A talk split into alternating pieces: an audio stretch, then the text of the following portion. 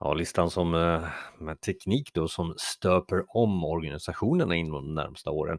Publicerar den här listan på min LinkedIn-profil och, och fick lite reaktioner för det var ju det jag ville. För det finns ingen en lista utan säkert flera olika andra ämnen också. Men det jag skrev allra först var automation av, befintliga processer. Där vi ser framför oss att eh, våra arbeten blir mer och mer eh, inriktade på innovation och hitta nya möjligheter och standardisera av eh, våra processer som vi gör varje dag. Det blir ju med hjälp av RPA eller andra automatiseringsprogram. Eh, eh, och det där kommer nog bara fortsätta och fortsätta, så automation tror jag på. Artificiell intelligens förstås på plats nummer två. Nu är det väl tredje iterationen utav AI och den här gången så kopplar vi det inte bara till eh, det som kanske är framtiden och science fiction utan mera till vad är det vi kan göra idag?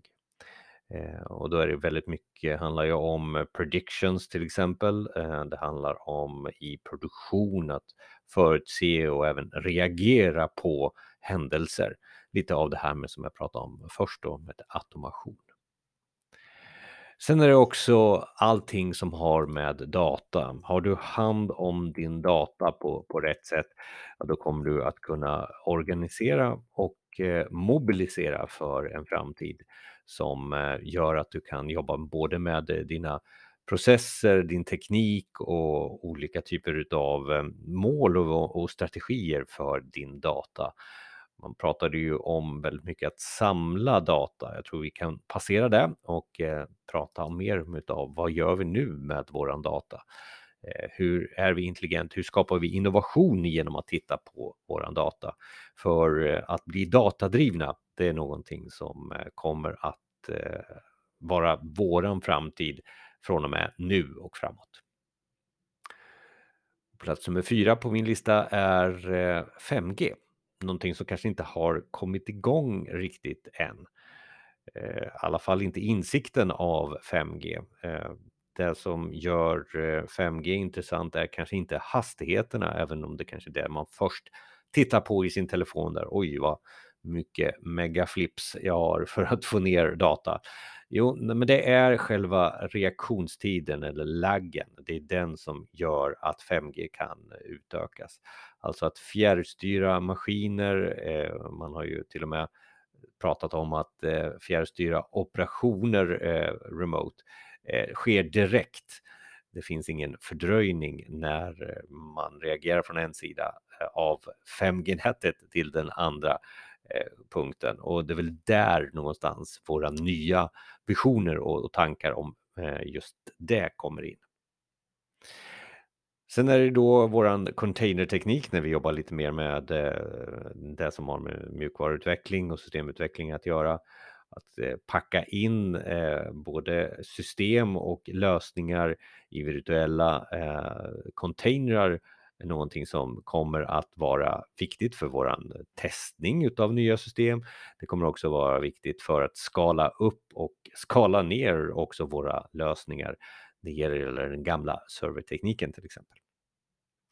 Och sen då kanske är någonting som, som eh, ni som följer mig sedan tidigare kanske jag skulle haft lite högre upp på den här listan, men uppe eh, upplevelsen utav ehm, det som är den, det nya runt den nya verkligheten. Svårt att definiera det på svenska, men, men det är VR och AR jag pratar om, en blandad verklighet kanske är den som är det första steget. Eh, vi väntar ju fortfarande på att tekniken för VR, alltså de här headseten och liknande som vi har på oss, ska bli mindre. Eh, men eh, när vi har passerat eh, väldigt mycket olika teknikstadier är det då vi Mm, tror och vi kommer att eh, förstärka den verkligheten vi har och då pratar jag om det, de, eh, de vanliga, vanliga kontorslokalerna och det som vi jobbar med varje dag kommer att förändras.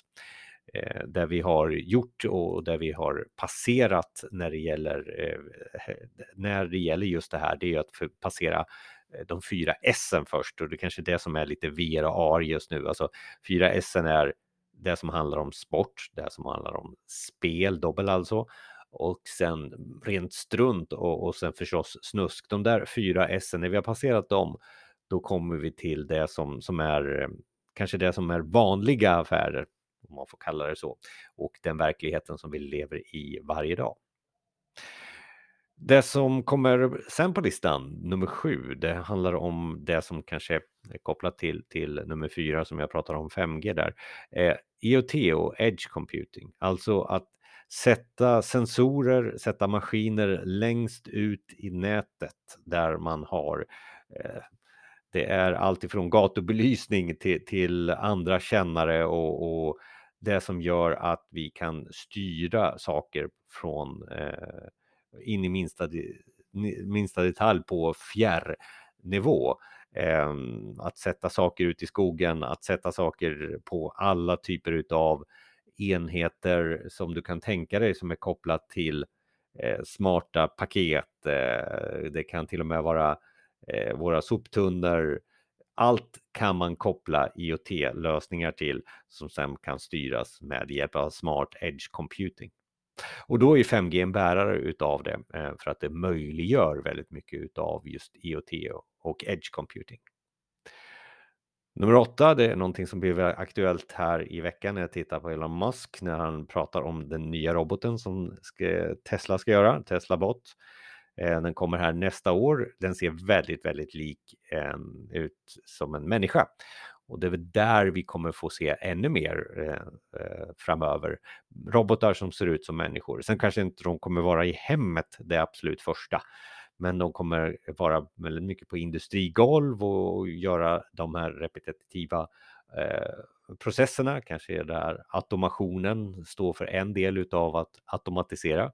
Så robotar som ser ut som människor, det här är eh, någonting som kommer för framtiden.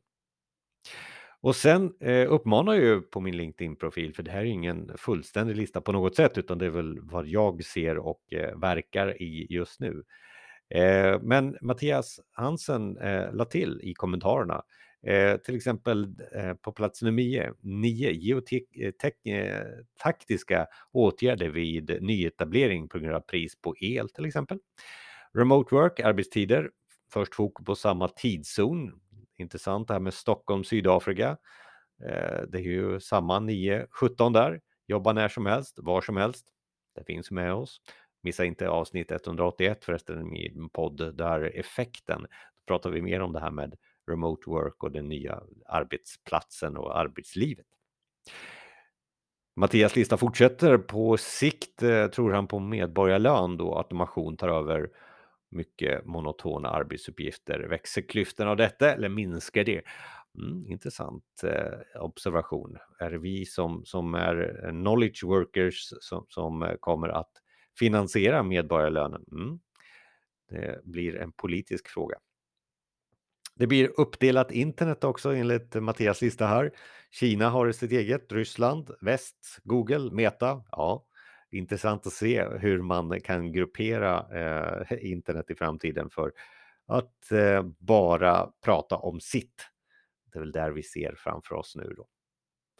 Nummer 13, välplacerat nummer också. Privacy Wake Up Call. Myndigheter och lagar ligger efter gällande integritet och datadelning för appar och IoT. Risk för felbeslut eller möjlighet till uppstädning. Mm. Också intressant. Nummer 14, från Mattias lista Starlink och satelliter, telefonoperatörer, internetleverantörer. Vem tar den här, slutliga, den här slutliga kakan, det här med det som, som är det nya? Eh, Elon Musk där till exempel har ju en egen eh, internetprovider eh, som jobbar med äldre satelliter.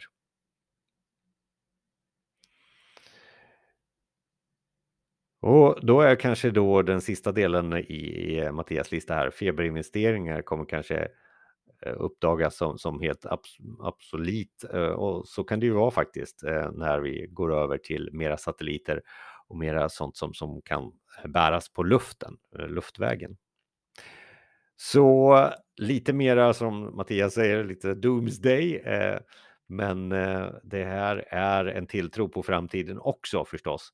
Det är en intressant framtid vi har framför oss där tekniken stöper om organisationer och man behöver vara redo för den. Eh, sen är det ju också så att man eh, behöver förändringsledning, man behöver förstå det här och hur man får in det i organisationer.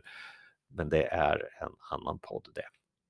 Hoppas att vi kan syn synas mer på, på LinkedIn tillsammans och kommentera gärna eh, så kan jag ta upp det i den här podden.